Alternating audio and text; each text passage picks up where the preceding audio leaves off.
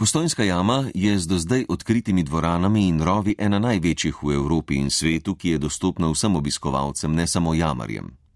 Skozi več milijonov let jo je ustvarila ponikalnica reka Pivka, ki se pod zemljo združi s ponikalnico Rak in skupaj prideta na površje kot unica. Voda je z raztapljanjem apnenca skozi tisočletja ustvarila prečudovite kapnike, stebre, zavese in številne druge skulpture, kakršnih človek ne zmore.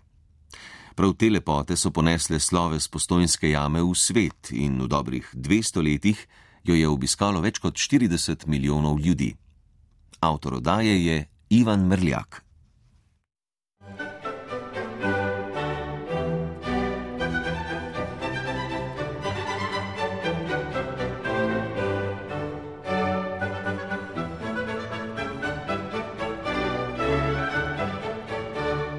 Postojnska jama.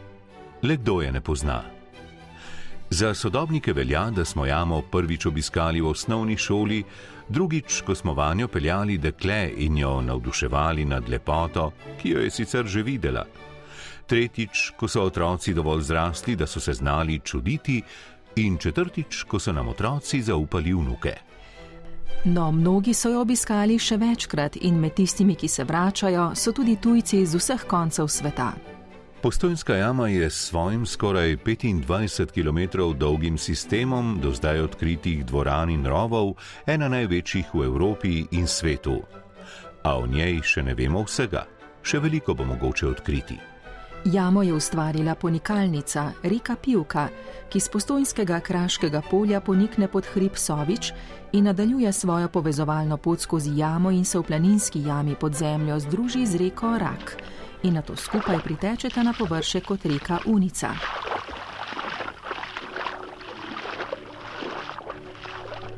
Seveda nič ni nastalo hitro, marveč v milijonih let, česar si zaradi svoje minljivosti niti ne moremo zamisliti.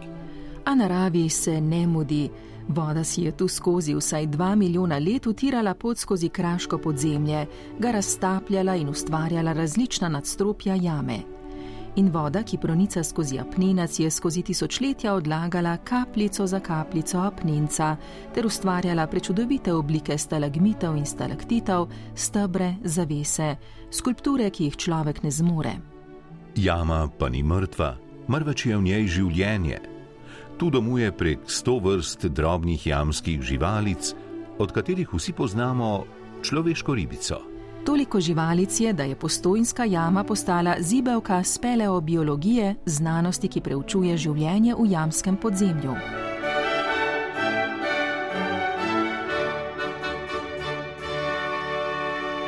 Postojnska jama je že dobrih 200 let raj za turiste, ki so morda sposobni celo obnemeti ob teh čudežih narave. In prav zadovoljni obiskovalci so skozi vse leta nosili v svet pripoved o jami sredi naše dežele in s tem ime Slovenije. Za pripoved o postojnski jami smo se najprej srečali s Stanislavom Glažarjem, članom postojnskega jamarskega društva in vodnikom po postojnski jami. Vodim eh, francoske in angliške skupine in pri svojem delu tudi, bi rekel, modeliram kraške jame, to je v prostem času se s tem eh, najraje nekako ukvarjam. Kaj pomeni modelirati? To pomeni, da z eno napravo, ki se imenuje Disto, naredim neki virtualni poligon po jami in iz teh točk potem naredim obot jame in z nekimi algoritmi lahko potem naredim tak poenostavljen 3D model jame kapniško okrasje v tem primeru me ne zanima, zanima me bolj recimo povezava in odnos površja in podzemljskega prostora, ki se nahaja pod površjem. In seveda s temi algoritmi se da tudi zaračunati eh, volumen jame, približen volumen jame. A s tem podatkom lahko tudi dejansko določite približno, kako velik obseg, oziroma kakšna je razsežnost poslovinske jame? Ja, zdaj imeli smo več takih eh, projektov in nam je na nek način uspelo eh, zračunati, da je prostornina izmerjenih rovov poslovinske jame 3,7 milijonov kubičnih metrov, približno, se pravi vseh teh rovov, ki smo jih uspeli izmeriti. Pa poznate do skrajnosti jamo ali še ne? Ne. Seveda, ko govorimo o spletu postojnske jame, je v tem spletu pač pet jam, trenutno postojnska jama, otoška, Magdalena jama, črna in pivka jama. In trenutne raziskave potekajo za istočnimi sifoni v pivki jami. Teh je trenutno pet, voda se izteka v planinsko jamo, kjer potem pride ven kot unica na površje, nadaljuje po površju, konec planinskega polja ponikne pod stenami in kot veste, se pojavi pri močilniku kot eden iz virov Ljubljanice. No, recimo, da v Sloveniji verjetno poznate ta podatek, je trenutno raziskanih nekaj nad 14 tisoč jam. E, Postojnska jama je ena od turističnih jam, kot teh 14 tisoč jam je približno 20 turističnih jam v Sloveniji. Nedvomno lahko rečemo, da je kraljica turističnih jam, najdaljša turistična jama v Sloveniji, obenem, kot je meni znano, tudi najdaljša turistična jama v Evropi in druga najdaljša turistična jama na svetu.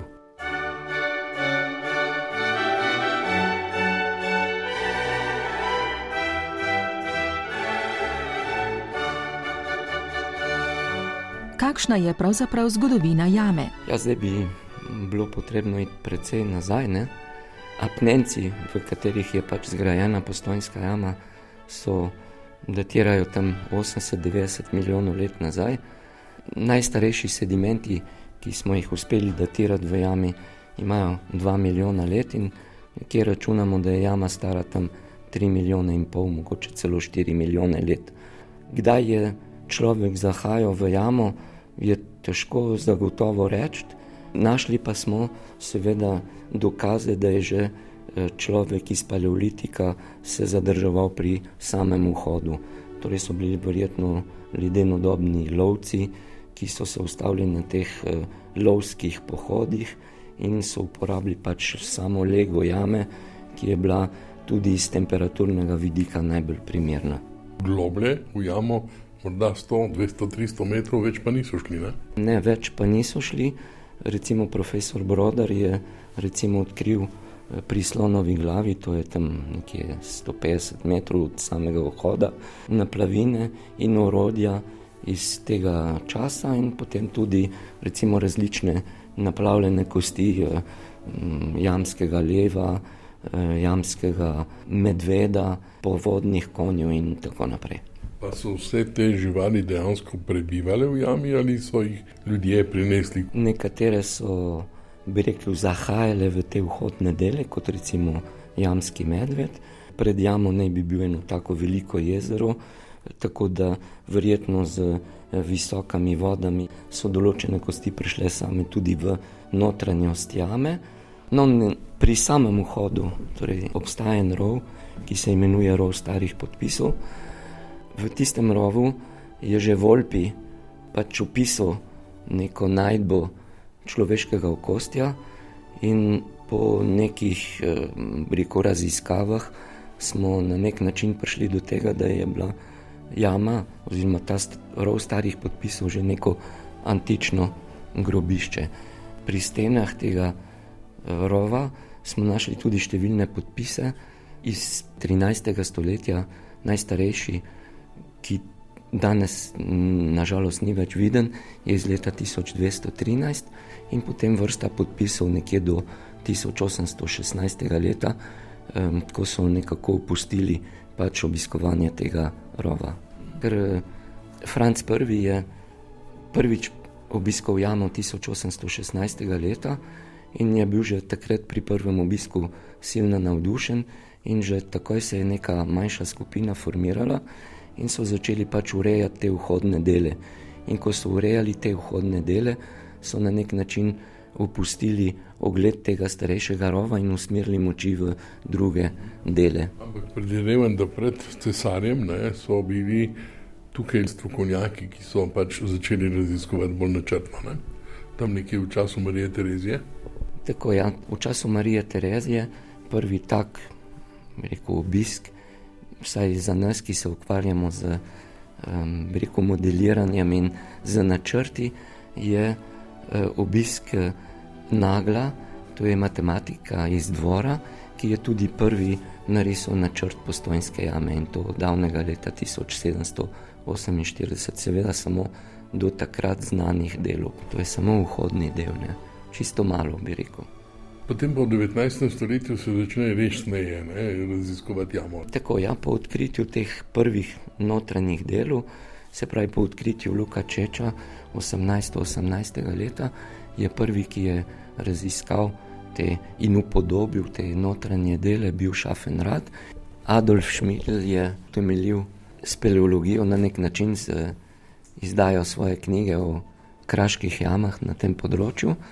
Potem zelo pomemben tudi bil francoski raziskovalec Eduard Martel, ki je v sodelovanju z Antronovci, to je bila pravzaprav prva organizirana jamarska skupina v Sloveniji in tretjo jamarsko društvo na svetu. Oni so odkrili lepe jame 1891. leta in pač eh, na nek način navdušili tega francoskega raziskovalca Eduarda Martela, ki tako kot Adolf Schmidt velja za enega od očeta speleologije, so ga toliko navdušili, da je prišel v postojno in organiziral jamarsko odpravo septembra 1893. leta. In rezultat te odprave je, da so povezali, da so prvi, ki so uspeli povezati Magdaleno jamo z postojnsko jamo. Rekla smo, da se je znanost globlje spustila v jamo še v času Marije Terezije, pa vendar ne, ne so bili prvi raziskovalci že prej v njej. Ja, po mojem mnenju lahko prištejemo Valvazorja, ki je pravzaprav prvi slovenski jamar in prvi opis postojnske jame je v slavi Vojvodini Krajinske. Seveda za Valvazorjem poznamo tudi razne obiske, recimo Baltazara Kej je bil v postojni tudi opisal ta svoj obisk in on je prvi, ki mu je uspelo priti v jamo, po nornem delu, ker takrat je bila nizka voda in to mislim, da se piše leto 1774. Za njem je pa tudi zelo pomemben obisk Gruberja 1779. leta, ki je pač obiskal jamo spomladi in eh, objavil pravzaprav tudi neke upodobitve.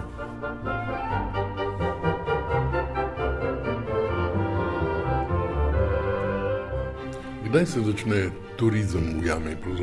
No, kot sem že povedal, je leta 1818 Lukačeč odkril nadaljevanje postojnske jame, odkril notranje dele postojnske jame in takrat so pač manj kot leto dni pozneje že na nek način odprli jamo za obisk prestolu naslednika Ferdinanda. Tako da lahko rečemo, da je začetek turizma tisoč, leta 1819. 17. augusta 1819. leta je pravzaprav jama odprta za obiskovalce in v preostalem delu leta je število obiskovalcev potem doseglo 113, eh, število 113. Seveda pri tem obisku Ferdinanda uvedejo tako in to je zelo pomembno, prvo knjigo opisov, lahko bi rekli prvo opisno knjigo, Prvi podpis v upisni knjigi je seveda Ferdinando in sledilo je še 2000 eh, obiskovalcev, ki so se podpisali v tole knjigo. Eh, število gostov se seveda veča vsako leto in smo prišli do magične številke 40 milijonov.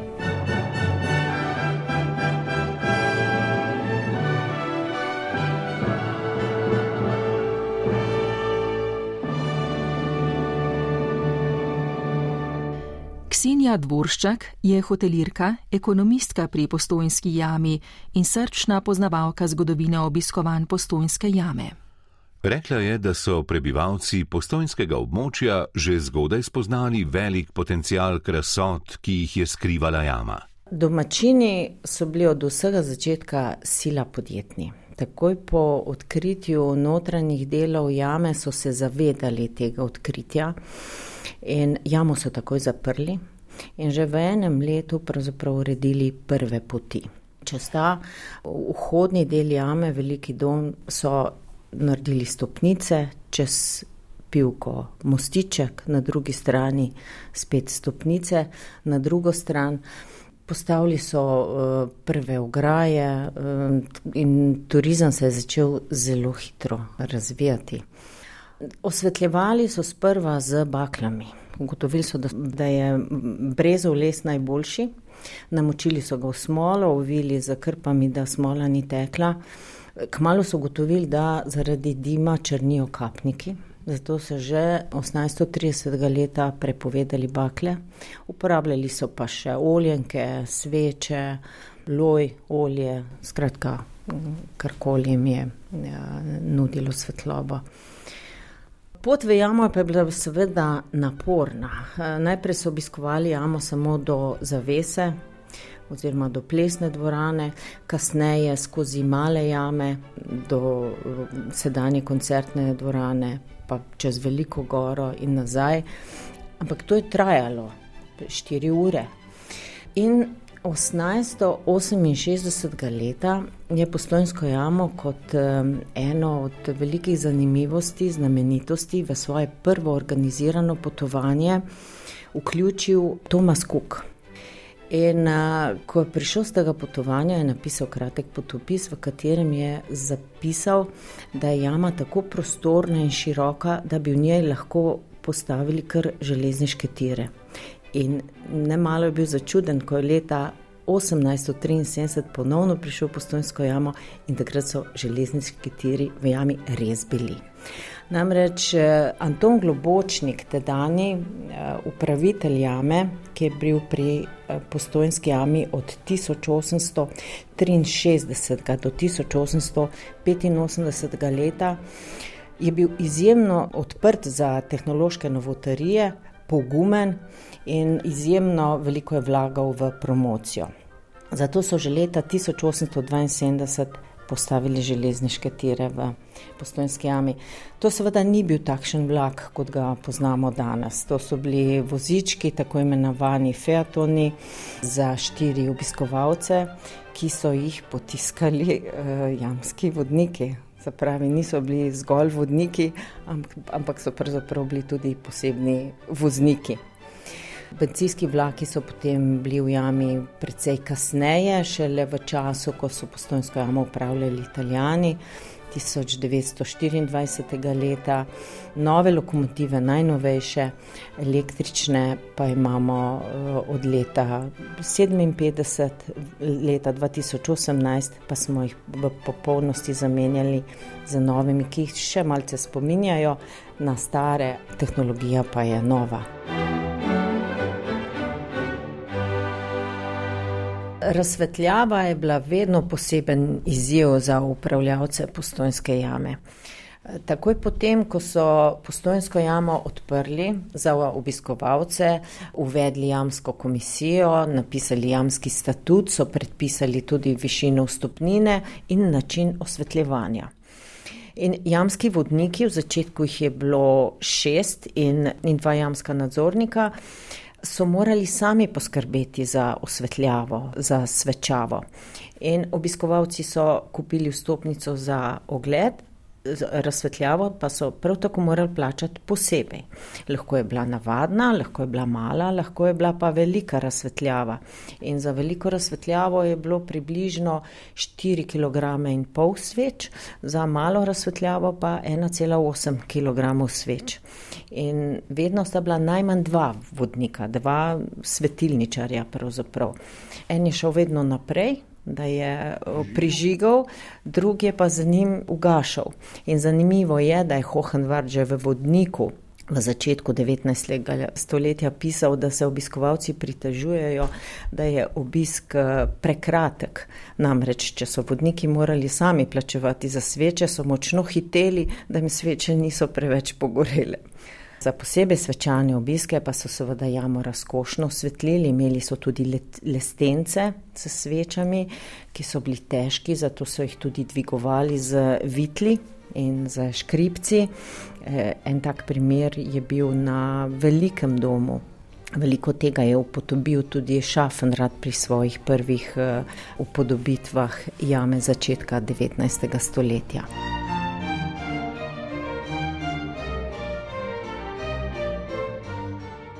Elektrika je pa v jamo že prej prišla. Ne?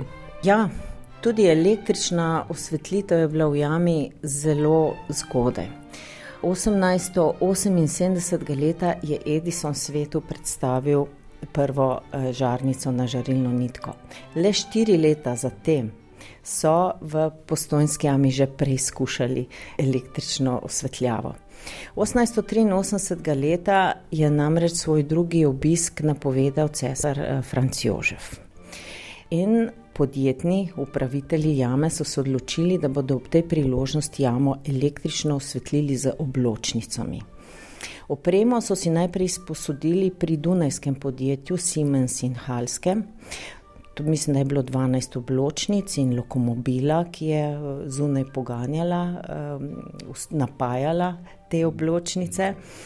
In učinek je bil za tiste čase seveda izjemen. Vsi so bili navdušeni, eh, čeprav so seveda podkrepili osvetlitev jame še 16 tisoč eh, svečami in 600 barvnimi baloni, tako da so cesarja takrat res toplo sprejeli. Ne.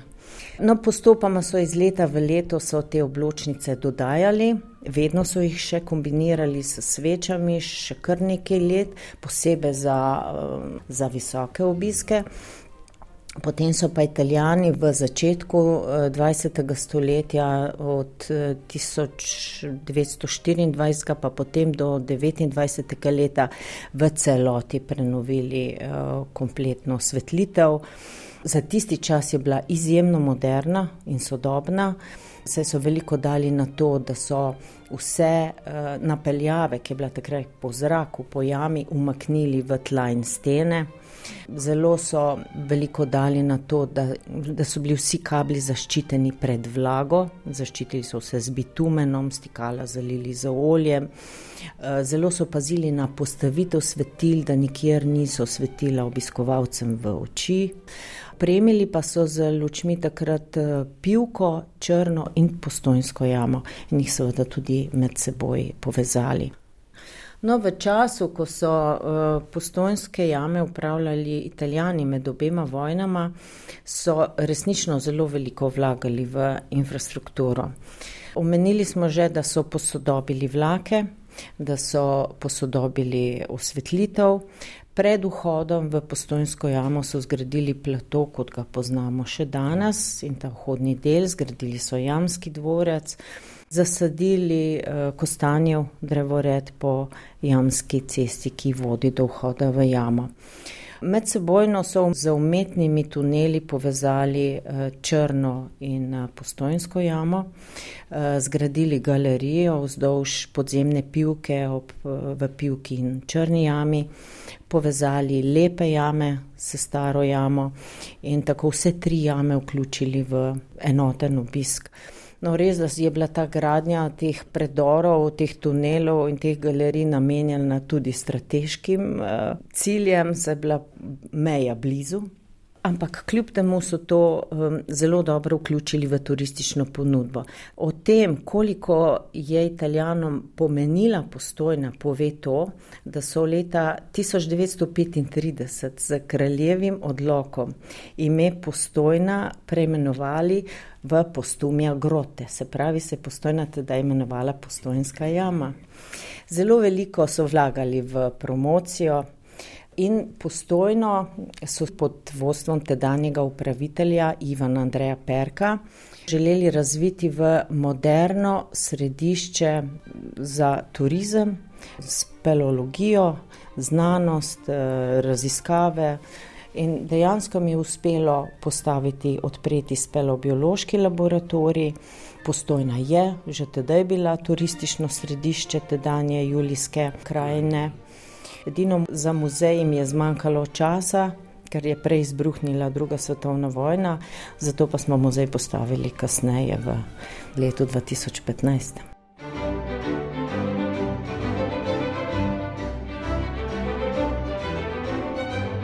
Tisoč osemsto devetindevetdesetega leta so v Postojnski jami, tik ob plesni dvorani, postavili pošto. Namreč že od vsega začetka organiziranega obiska od osemnajststo enaindvajsetega leta so bile v jami zelo priljubljene tako imenovane veselice oziroma binkošt na slavje.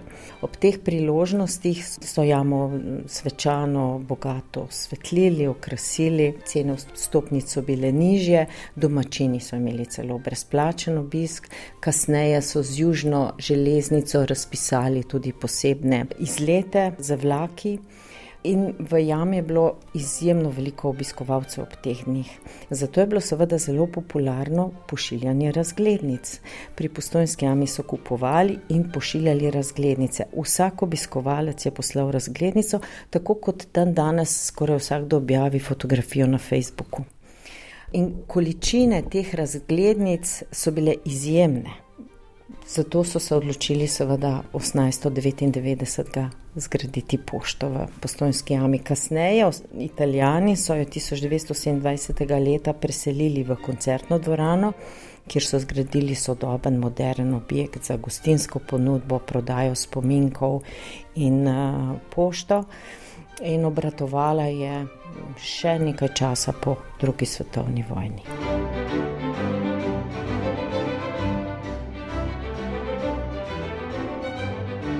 Omenili smo že avstrijskega cesarja in druge predstavnike Habsburškega dvora na Dunaju, ki so se radi ustavili v postojni in si ogledali jamo, še zlasti potem, ko je južna železnica povezala Dunaj in Trst.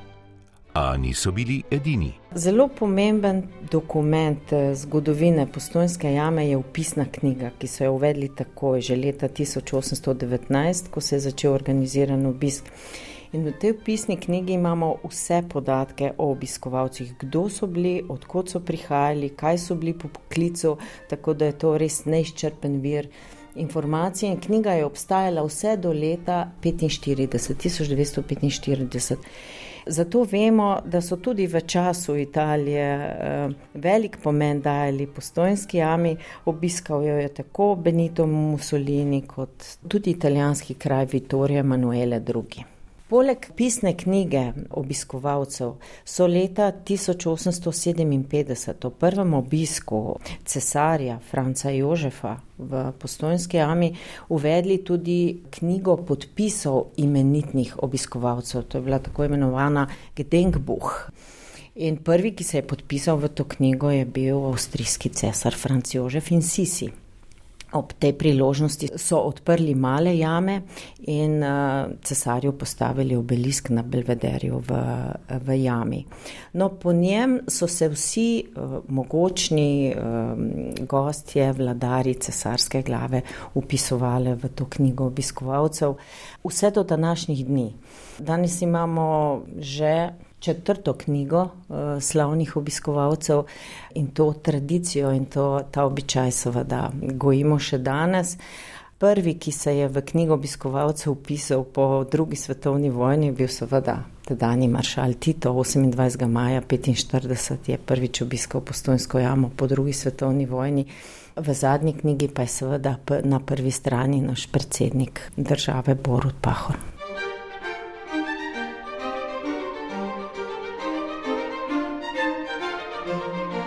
Vsake toliko naletimo na kakšno zanimivo ime, na primer Prešernova prijatelja Matija Čop in Andrej Smole, pa zasledili smo Mozartovega sina Che Guevara v šestdesetih letih s kubansko delegacijo. Potem z Japonske je Postojnsko jamo obiskal tako cesar Hirohito kot tudi zdaj aktualna japonska princesa in princ.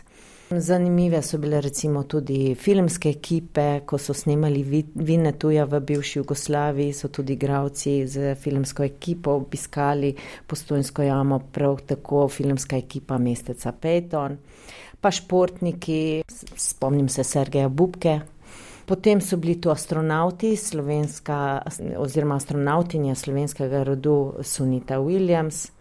Po osamosvojitvi so si postojnsko jamo ogledali vsi predsedniki sosednjih držav in tudi drugih, med češki predsednik Havel. Skratka, vsakdo, ki je v Sloveniji ali v njeni bližini, si želi ogledati postojnsko jamo.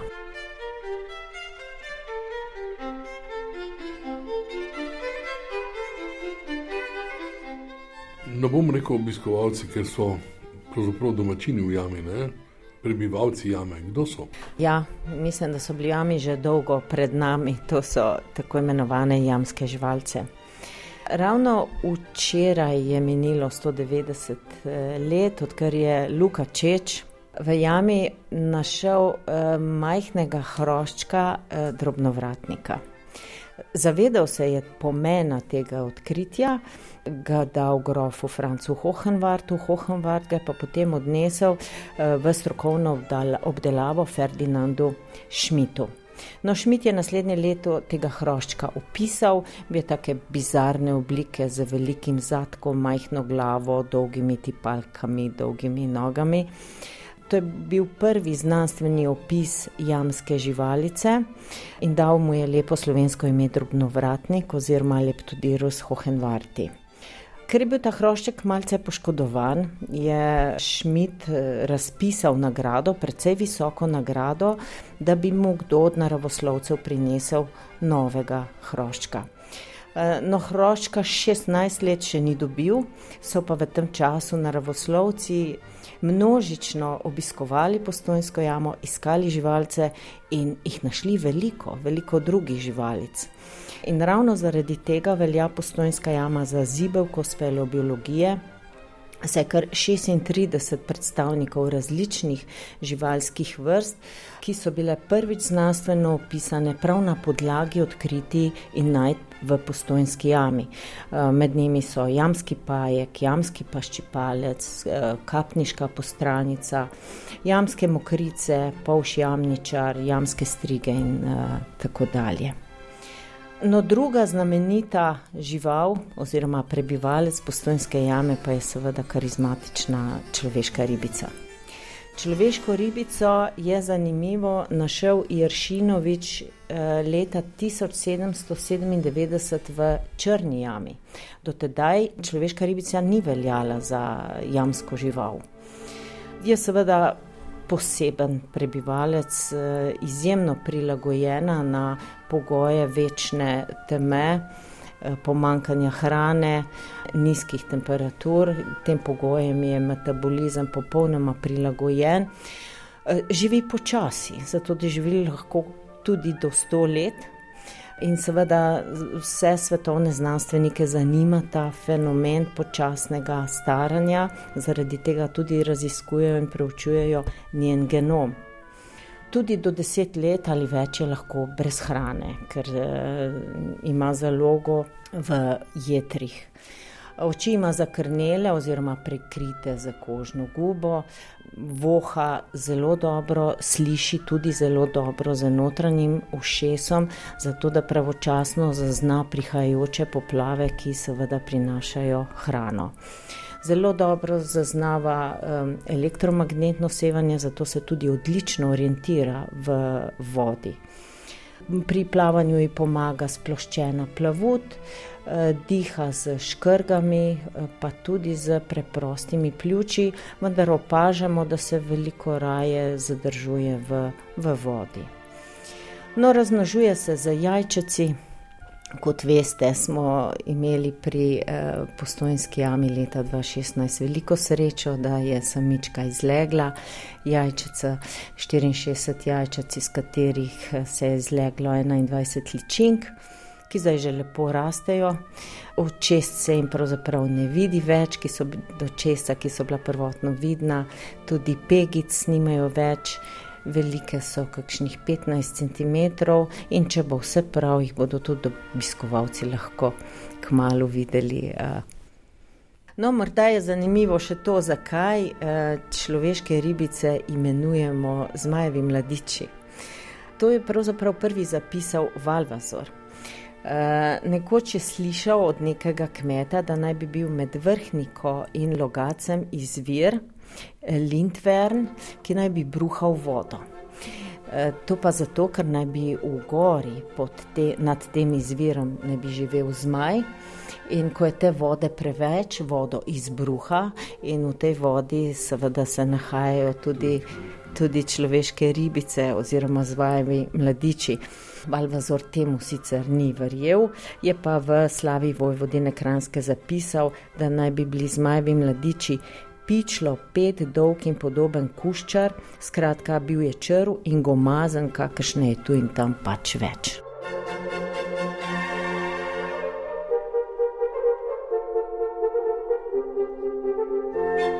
Dobro ime ne pride samo od sebe, marveč je potrebno za njega veliko storiti.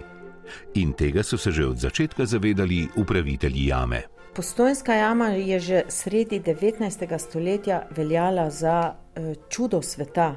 Bila je izjemno prepoznavna in uh, popularna.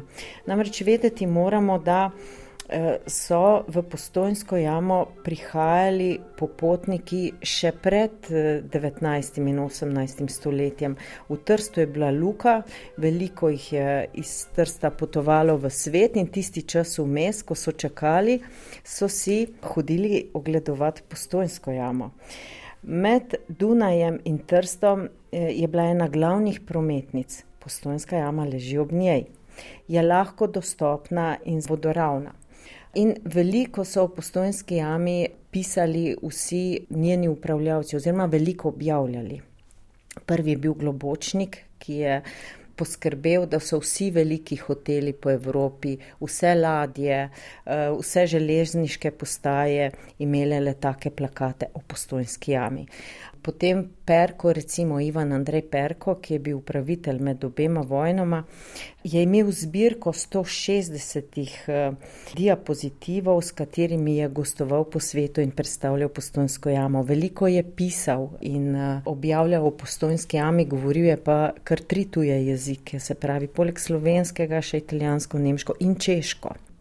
Veliko je bilo potopisov o postojnski jami. Postojnska jama je bila sredi 19. stoletja v vseh geografskih učbenikih, bila je v vseh uh, turističnih vodnikih, od Bedekarja naprej. Skratka, bila je svetovna znamenitost številka ena. Razvoj same postojne in celotnega tega območja je verjetno izredno povezan prav z razmahom turizma v postojnski jami. Ja, res je. Kmalo po odprtju eh, sredi 19. stoletja je bilo v postojni kar šest gostišč. 1874 eh, so tu investitorji zgradili zelo sodoben, enega najmodernejših hotelov, Adelsberger Hof. Potem, ko je bil odprt ta hotel, kmalo zatem, je postojna imela sedemkrat več gostov kot vzbled skupaj, kot Gradsko jezero ali kot Bad Auze ali Beljak. Skratka, bila je izjemno popularno klimatsko letovišče. Južna železnica in postojnska jama sta sodelovali in sta si delili dobiček pri izletniških aranžmajih za izlete v postojno. Tudi kasneje, po drugi svetovni vojni, je postojnska jama bila generator razvoja in turizma. Eh, v okviru tedanje THO, eh, turistično-hotelske organizacije Postojnska jama, je bilo kar 1260 ležišč, 5500 uh, sedežev v gostinskih obratih, zaposlenih pa je bilo preko 550 delavcev.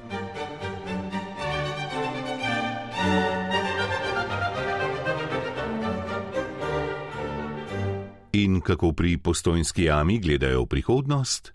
To smo vprašali magistrico Matejo Rosa, zadolženo za stike z javnostjo pri postojnski jami. Obisk postojnske jame je preprosto doživetje. Od same vožnje z vlakcem do srečanja z majevimi mladički, kot seveda tudi do pogleda na naravo in na zemljo z druge strani. Eh, Postojnska jama je zelo bogata, že sama po sebi in pa prav veliko pravzaprav nam ni treba narediti za to, da bi bila nekaj posebnega, ker je že sama po sebi veličastna. Tista glavna prireditev, ki jo predvsem slovenci zelo dobro poznamo, ima tudi že dolgoletno tradicijo. Letos prirejamo 31. žive jastice v postojnski jami. Gre za največji božični spektakel v Sloveniji, ne na zadnje so nas tudi svetovni mediji prav s to prireditvijo umestili med deset najbolj čarobnih podob Božiča in veseli smo, da lahko po enoletnem premoru ponovno uh, naznanimo žive jaslice na petih kilometrih v čudovitem vzdušju jame, v tišini, v miru in vsem sijaju, ki naj bi ga Božič dejansko prinesel in predstavljal. Kako pa je s koncerti? Koncerti v postojnski jami so prej izjema kot pravilo. Postojnsko jamo seveda želimo ohraniti v najboljšem možnem stanju, kajti naše, eh, naš slogan je samo tisto, kar je dobro za jamo. Sicer pa je bil eden najbolj odmevnih koncertov zagotovo ob 200-letnici odkritja jame, torej novembra 2018, koncert Nuške Drašček, Mateja Bočelja in nekaterih drugih zelo znanih glasbenikov, ampak kot rečeno, to je bil poklon postojnski jami, poklon temu, da smo lahko del nje.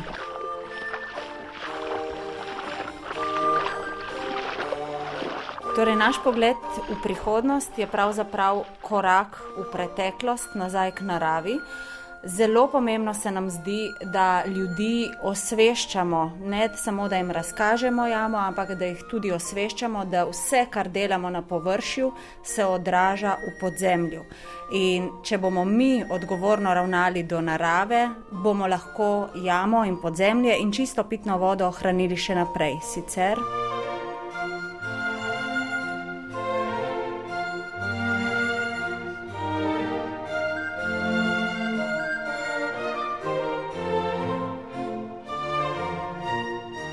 Pred odhodom nam je Ksenija Dvorščak zaupala modrost enega vidnejših upravnikov postojnske jame v 19. stoletju, Antona Globočnika, ki pa velja še danes. Jama skriva v sebi še kar nekaj skrivnosti in s tem, ko jo odkrivamo, jo tudi bolj spoštujemo, predvsem pa se zavedamo, da je jamo potrebno ohranjati. E, mi smo minljivi, jama bo ostala. Globočnik je iz postojne odhajal 1885. leta. Ko je odhajal, je zapisal: Blaginja in razvoj tega kraja, da celo dežele, sta odvisna od tega neprecenljivega dragulja.